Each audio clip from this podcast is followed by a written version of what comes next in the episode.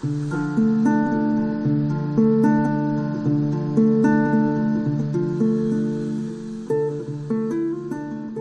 denk dat ik toen ik zeven jaar was, wilde priester worden. Ja, Jezuïeten zijn uh, religieuzen, waarvan de meeste priesters zijn, maar niet allemaal. Ik heb 55 jaar in Congo gewerkt. Heel mijn leven is eigenlijk ja, een genade geweest. En ondanks alles, al mijn zwakheden, heb ik daar toch iets gerealiseerd dat de moeite waard is. Dus mijn leven is de moeite waard geweest. Tot meerdere eer van God. Jezuïten in de lage landen. Dat is de enige tijd van mijn leven. Ik heb geen ander leven gehad. Ik heb, ben 55 jaar in Congo geweest. Ik heb dat altijd heel rijk gevonden. Maar toen stonden ze ook met geweer voor mij.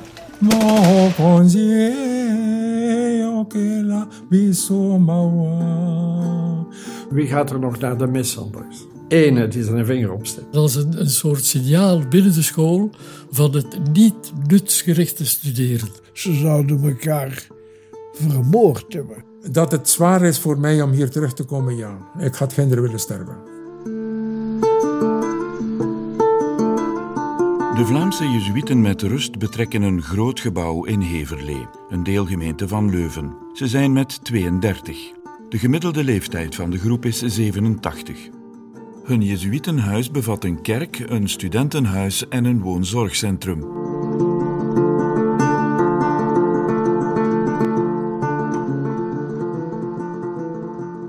De Sociëteit van Jezus is met ongeveer 17.000 leden wereldwijd de grootste religieuze orde in de Rooms-Katholieke Kerk.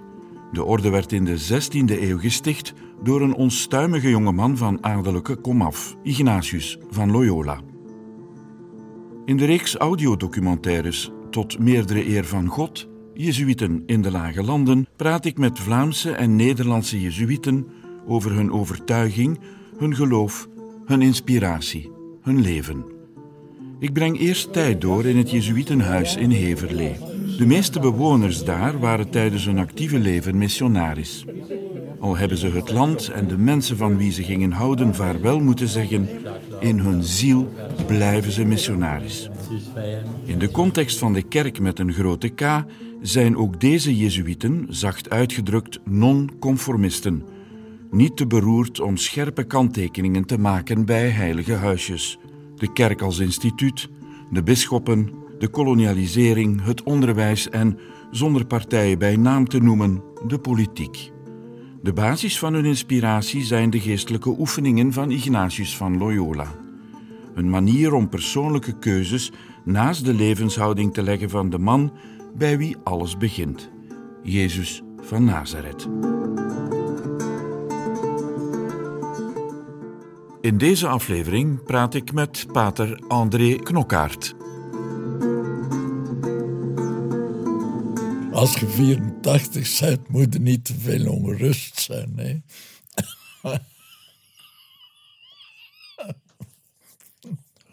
Wie is André Knokkaert? Hè? De Knokkaerts die zijn uh, meestal West-Vlamingen, maar uh, ik ben een Gentenaar.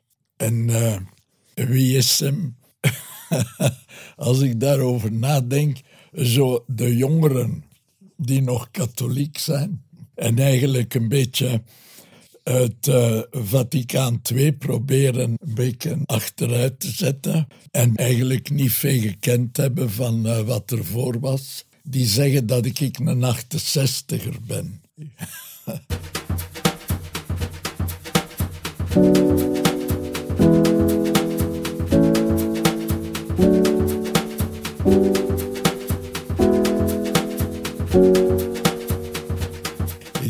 Mijn kinderjaren en mijn jeugd eigenlijk doorgebracht, zeg ik, in de kerk van Pius XII en het Europa van Hitler, Mussolini en Stalin. La benedizione del pontefice è giunta nel tempo stesso alla folla adunata in piazza San Pietro e a tutti i fedeli sparsi sulla superficie della terra, i quali per decreto di sua santità Pio XII... Meine Arbeit für richtig ist und du glaubst, dass ich fleißig gewesen bin, dass ich gearbeitet habe, dass ich mich in diesem Jahr für dich eingesetzt habe, dass ich anständig meine Zeit verwendet habe im Dienste meines Volkes. Normally, the anniversary is celebrated on a smaller scale in the Sistine Chapel. En dat kennen ze niet meer. Ze weten niet wat dat, dat is, van dat, uit welke kerk wij komen.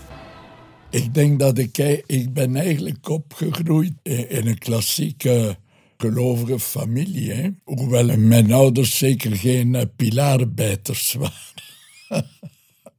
maar er waren klassieke mensen, mijn grootouders ook. En we, we baden zelfs de paternoster s'avonds. Op bepaalde ogenblikken hebben we dat gedaan in, in mijn leven. Dat was zo'n beetje de kerk van de Heilige Hartbond en van de Boerenbond. Hier in Leuven heb ik nog op de grote plaats in een van die bovenverdiepingen van de winkel gezeten op een heel grote plechtigheid waar we kardinaal van Roei dan gezien hebben met een sleep die door twaalf seminaristen werd gedragen. Dus je wordt al een beetje gewaar als ik u zo spreek. Zeer eigenaardig, maar ik ben in die kerk waar er nog geen sprake was van uh, Vaticaan II eigenlijk heel anticlericaal opgegroeid. Hoewel ik eh, heel mijn middelbare school praktisch al dagen om half zeven naar de mis ging in een hospice daar. Waar dat, uh, we daar een almoezenier gehad hebben die uh, donderpreken hield tegen al die mensen die naakt rondliepen op het strand in de, aan de zee. Uit die kerk komen wij. Ja, ik heb zeker niet voor de klerikale kerk gekozen. Ik ben niet naar het bisdom gegaan. Hè.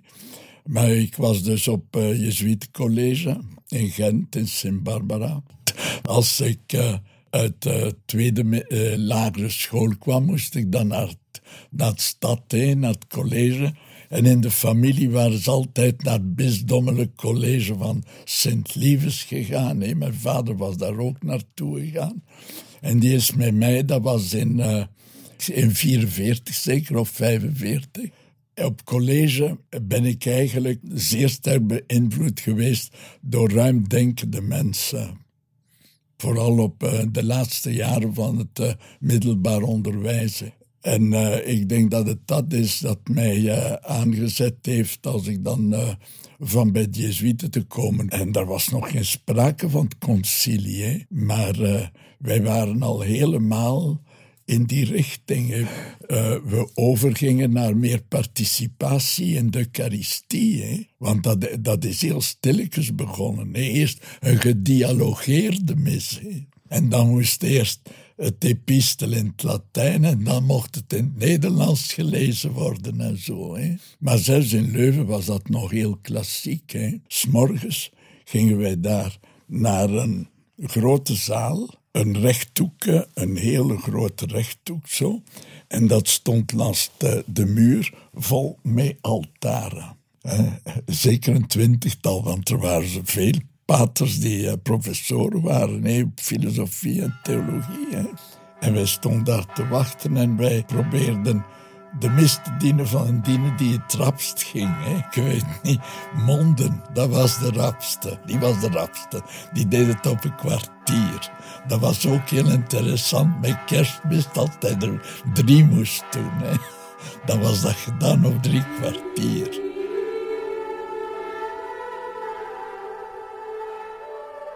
En wel, wij zijn heel kritisch geweest. Hè. Maar niet alleen wat de kerk en het geloof betreft. De, de kerk wel, de uh, institutionele kerk. Een toog dragen, dat was voor mij verschrikkelijk.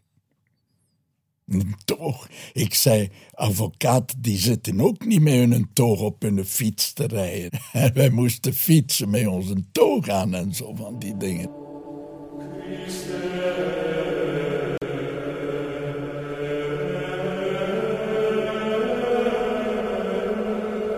Bon, dat, is de André Knokkaart, die de, de 68er, als je nu wil. Maar die is dan in 61 voor 50 jaar naar Congo gegaan. Hè? Is dat missionarisch zijn nog zo gebonden aan dat preconciliaire van naar Congo gaan en zwartjes moeten broekjes aan doen en zo. Wij hebben hier op theologie met uh, mensen gezeten als Bocca, die als hij in het vliegtuig stapte, een manneke zag naar hem komen lopen om hem nog een zakje zilverpapier te geven. de kerk van die mannetjes die dan ook op de toog stonden. Hè.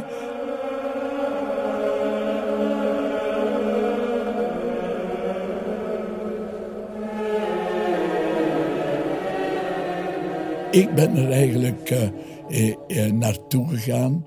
Een beetje niet zozeer met dat gedacht van daar mij in te schakelen in de kerk. Een bestaande kerk eigenlijk. Maar meer om de sociëteit daar te stichten. Als ik daartoe gekomen ben, op het einde van de vijftiger jaren met onafhankelijkheid en zo, begon de Jezuïeten daar te denken, wij moeten, wij moeten hier ook een uh, Afrikaanse sociëteit oprichten. Ik ben meer naar Congo gegaan als jezuïet om daar een, uh, mee te helpen aan het oprichten van een uh, Afrikaanse compagnie. Nou, dat is eigenlijk fantastisch gelukt. Hè. Als wij daartoe gekomen zijn, was er daar praktisch geen enkele. Nee. En degenen die er waren, gingen buiten omdat zij uh, politiek een betere carrière konden maken en zo. Hè. We hebben daar eigenlijk twintig jaar geleefd dat we zeiden, gaat dat hier gaan? Hè? Maar in de jaren tachtig is dat omgeslagen. En uh, ik ben daar bijna twintig jaar op college geweest. Dat als we rond altaar stonden voor een concelebratie.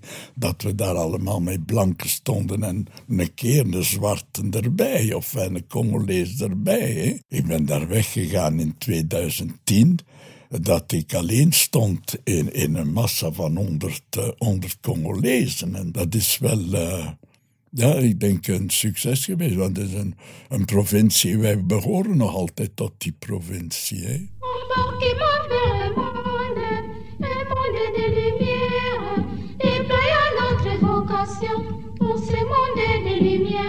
Embarquement vers le monde, le monde des lumières, déployons notre vocation pour ce monde de lumière. Ik geloof niet in uh, Monseigneur Leonard, die meende dat de nieuwe kerken hier uh, Europa moeten komen bekeren door een missionarische te zenden. Nee, je weet niet wat er in die nieuwe kerken omgaat. Hè. Die nieuwe kerken zijn inderdaad dikwijls, helaas, nog altijd bezig met hetzelfde te doen wat de preconciliaire missionering heeft gedaan. Scholen uh, bouwen, uh, met gebouwen, met een, instelling natuurlijk, hè, met dingen, maar niet altijd zo in de geest van Vaticanum II. Hè, en dat worden ze wel gewaar. Of en dan moeten ze weten, kardinaal Sarah is niet zeker de, de meest progressieve katholiek. Ja, ja. Maar als ik daarover nadenk, ik heb eigenlijk mij uh, nooit gelukkiger gevoeld in mijn Europese omgeving. Uh, ook in de familie niet. Mijn roeping, psychologisch gezien, is meer een willen weggaan uit een enge omgeving, denk ik. Tot meerdere eer van God. Jezuïten in de lage landen. Ik heb altijd goesting gehad om met andere mensen in contact te komen en andere culturen. Of daar eigenlijk veel religieuze dingen hebben meegespeeld, eigenlijk niet. Dat is mij later gegeven door, uh, door Ignatius. Hè? Eigenlijk zoveel op dat gebied, zoveel uh, vorming, ook uh, opleiding tot gebed en zover hebben we niet gekregen. Hè? Dus die motivaties waren niet zozeer uh, motivaties van, uh, waren eerder psychologische en sociologische motivaties dan religieuze motivaties, denk ik.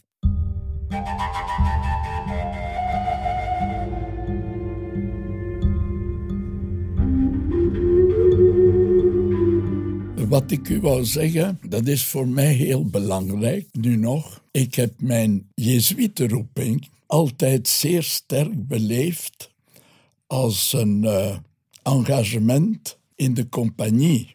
Ik zie nu, vooral ook in, in uh, Afrika is dat het geval, maar dat is hier in België ook het geval geweest.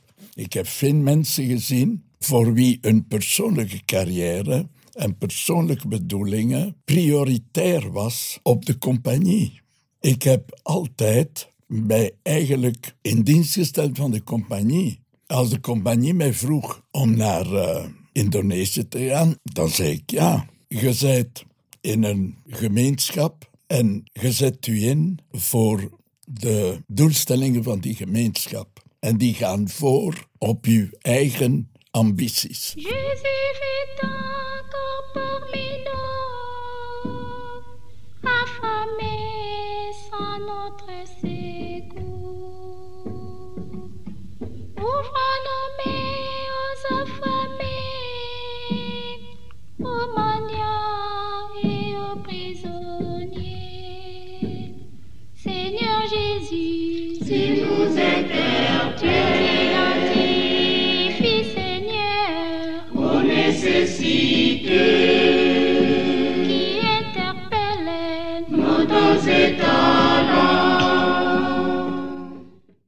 Ik ben in Congo gekomen in 61, hè, in een, uh, een college, een beroepscollege, waar er uh, nog uh, zeer sterk de herinnering was aan alles wat er was gebeurd. Dat college lag op een paar kilometer van Madimba waar uh, André Rijkmans was vermoord. Dat is voor mij wel een shock geweest.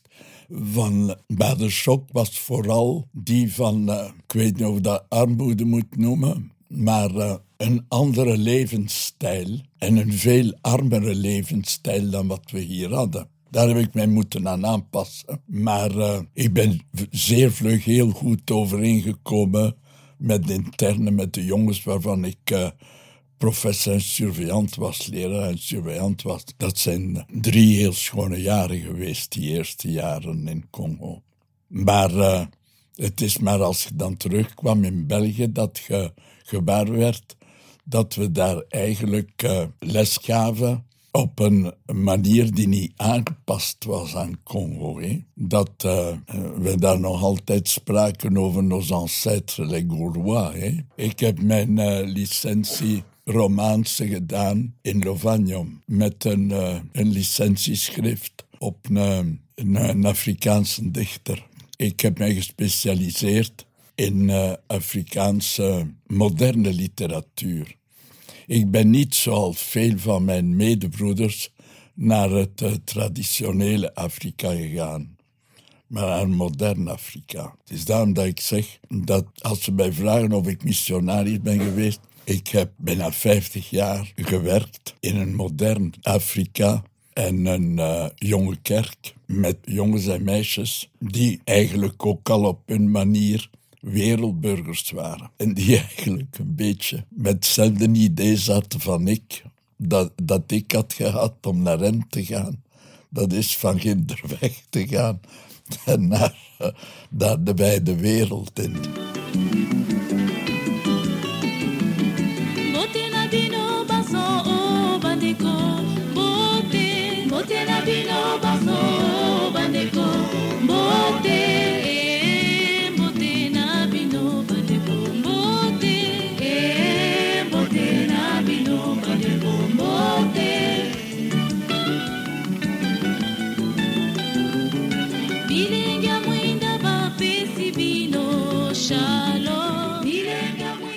Ik erger mij nogal vlug. Ik erger mij nu, daar ligt terug een opiniestuk dat in de morgen is verschenen over uh, de parlementaire commissie. Ze zijn hier in België nu bezig met een parlementaire commissie over de koloniale tijd en de zogenaamde uh, genoegdoegingen voor een land dat men aan het kapotmaken is. En waarvoor ze niets doen, ook in België niet, om het niet kapot te maken. Ik, krijg, ik heb nog altijd contact met mijn oud-leerlingen van de jaren zeventig. Ik ben maar tien jaar van mijn vijftig jaar, maar tien jaar in Oost-Congo geweest. Maar ik heb daar, dat waren de jaren negentig, ik heb daar de genocide meegemaakt. En de rest, ik heb de, onze aartsbisschop daar begraven. Het is 25 jaar geleden dat ze hem daar vermoord hebben. Ik heb daar kaarten gezien. Munzihirwa, Christophe Munzihirwa, Gabo. Ik heb daar kaarten gezien in die een tijd al, voor de genocide, waar, behalve Rwanda, heel Oost-Congo een rijk vormde.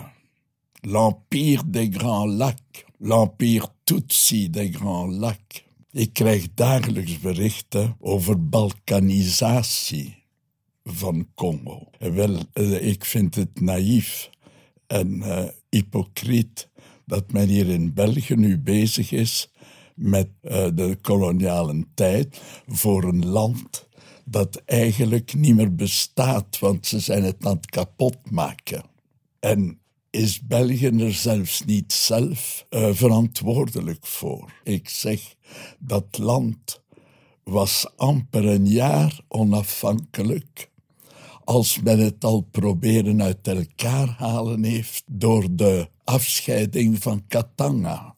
Nu haalt men het uit elkaar door de afscheiding de facto van Kivu en de noordoostelijke provincies.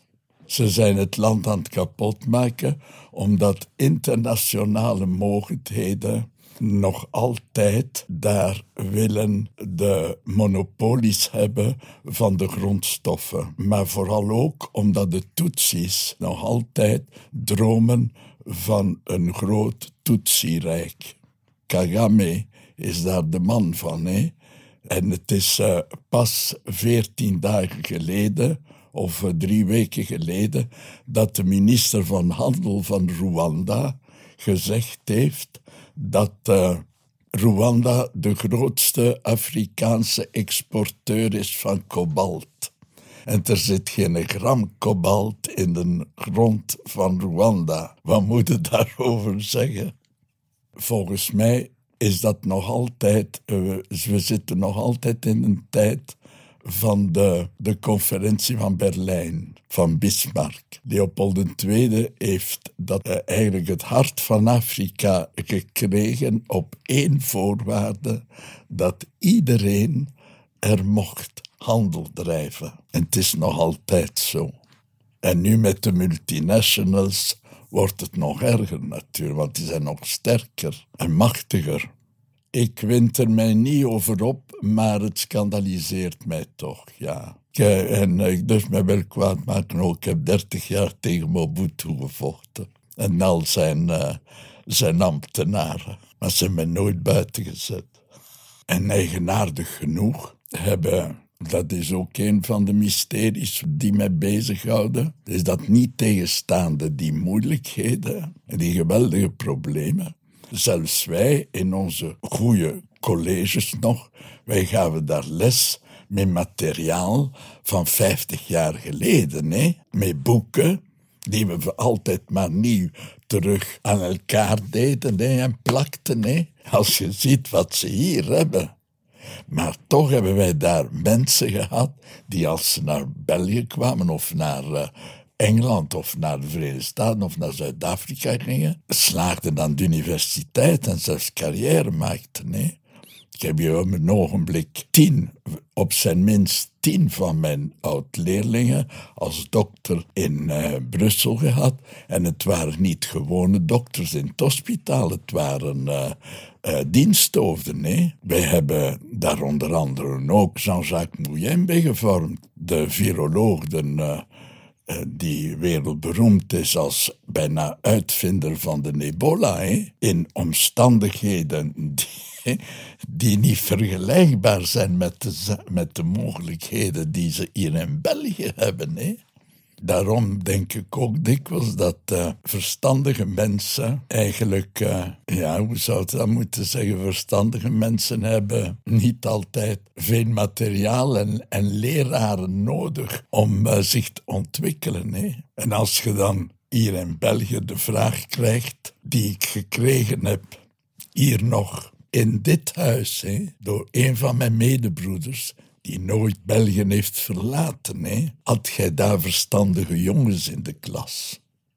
Ik noem dat geen racisme, maar het, uh, het Europees meerderwaardigheidsgevoel tegenover de mensen van andere continenten, dat zit op ons genen geschreven. Hè diezelfde man die mij dat gevraagd had, ze hebben hier, als ze op de Baverse baan gewerkt hebben, ze hebben de Baverse baan hier helemaal vernieuwd. Hè? En dan zijn ze op een bepaald ogenblik begonnen met geweldige machines. En uh, de mensen die hier werkzaam waren, gehoorden dat. Het waren vooral Portugezen, het waren mensen van... Uh, en als die grote machines afkwamen, zei mijn medebroeder ja, daar zullen toch wel mensen van ons op zitten.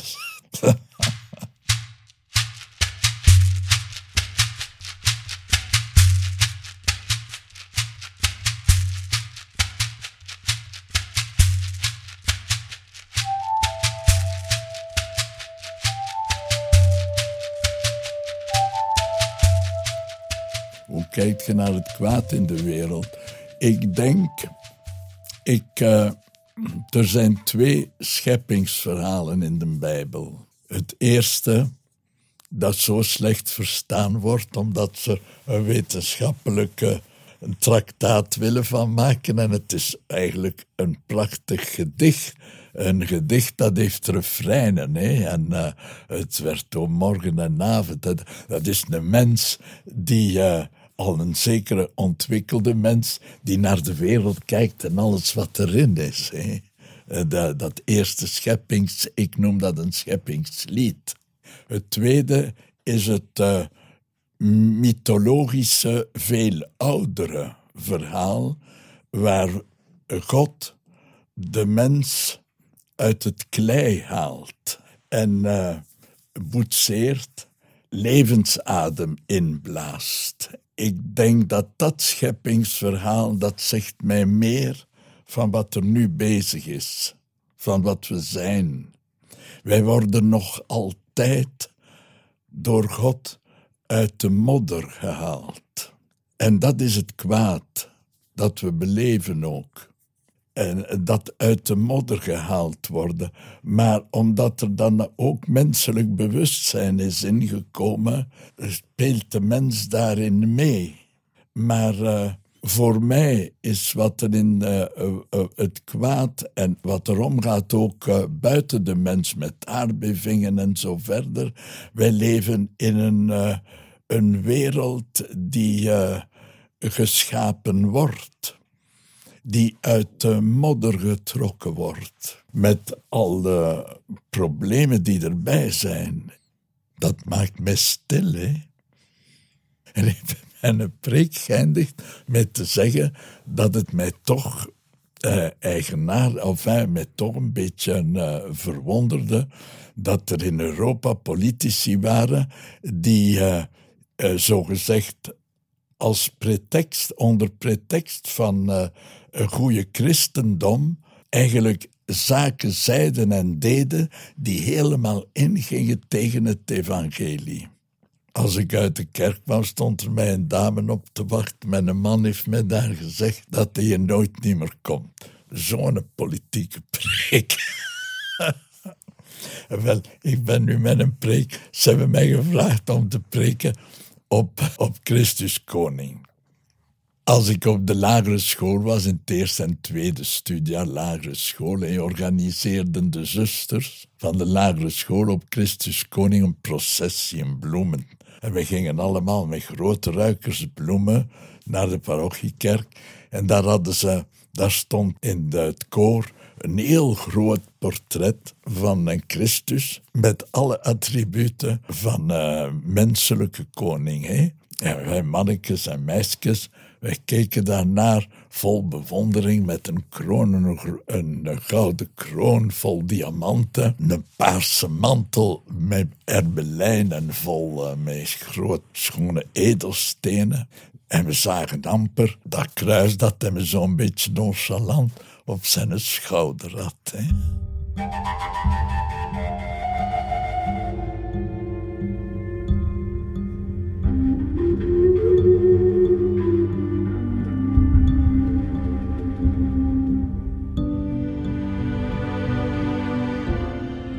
Je hebt zo mensen die zeggen: Ik ben blij met alles wat ik gedaan heb. En als ik het nog een keer zou overdoen, dan zou ik het nog een keer overdoen. Zo. Ik eh, denk toch dat ik zou, als ik het nog een keer zou kunnen overdoen, dat ik toch zou proberen een paar zaken te corrigeren. die misgelopen zijn. Maar ja, misschien te veel ruzie gemaakt zo. Met te, te, vlug en te veel kwaad gemaakt op mensen die ik misschien anders zou moeten aanpakken hebben. Mensen met verantwoordelijkheid, aan wie ik verweet dat ze eh, niet, zich niet gedrogen zoals ze moesten. Ben eigenlijk ook altijd een beetje een anarchist geweest. Een jezuïet-anarchist, dat is niet goed. Ik heb eigenlijk altijd een beetje een uh, rebels geweest tegen alles wat mij in, uh, in kadertjes dwong. Maar ik zou er niet voor gaan manifesteren zijn. Misschien heb ik dat wel van mijn ouders overgenomen. Hè. Zij waren goede katholieken. Enfin, zo, zoals de mensen toen katholiek waren. Maar ze moesten niet veel hebben van bedevaarten en van grote manifestaties.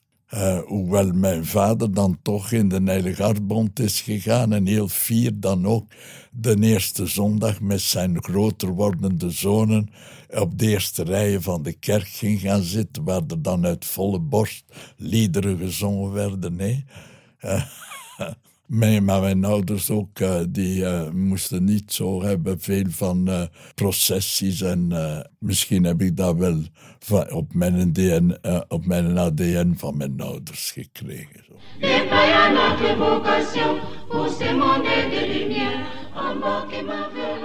Dit was Tot meerdere eer van God. Jezuïeten in de Lage Landen.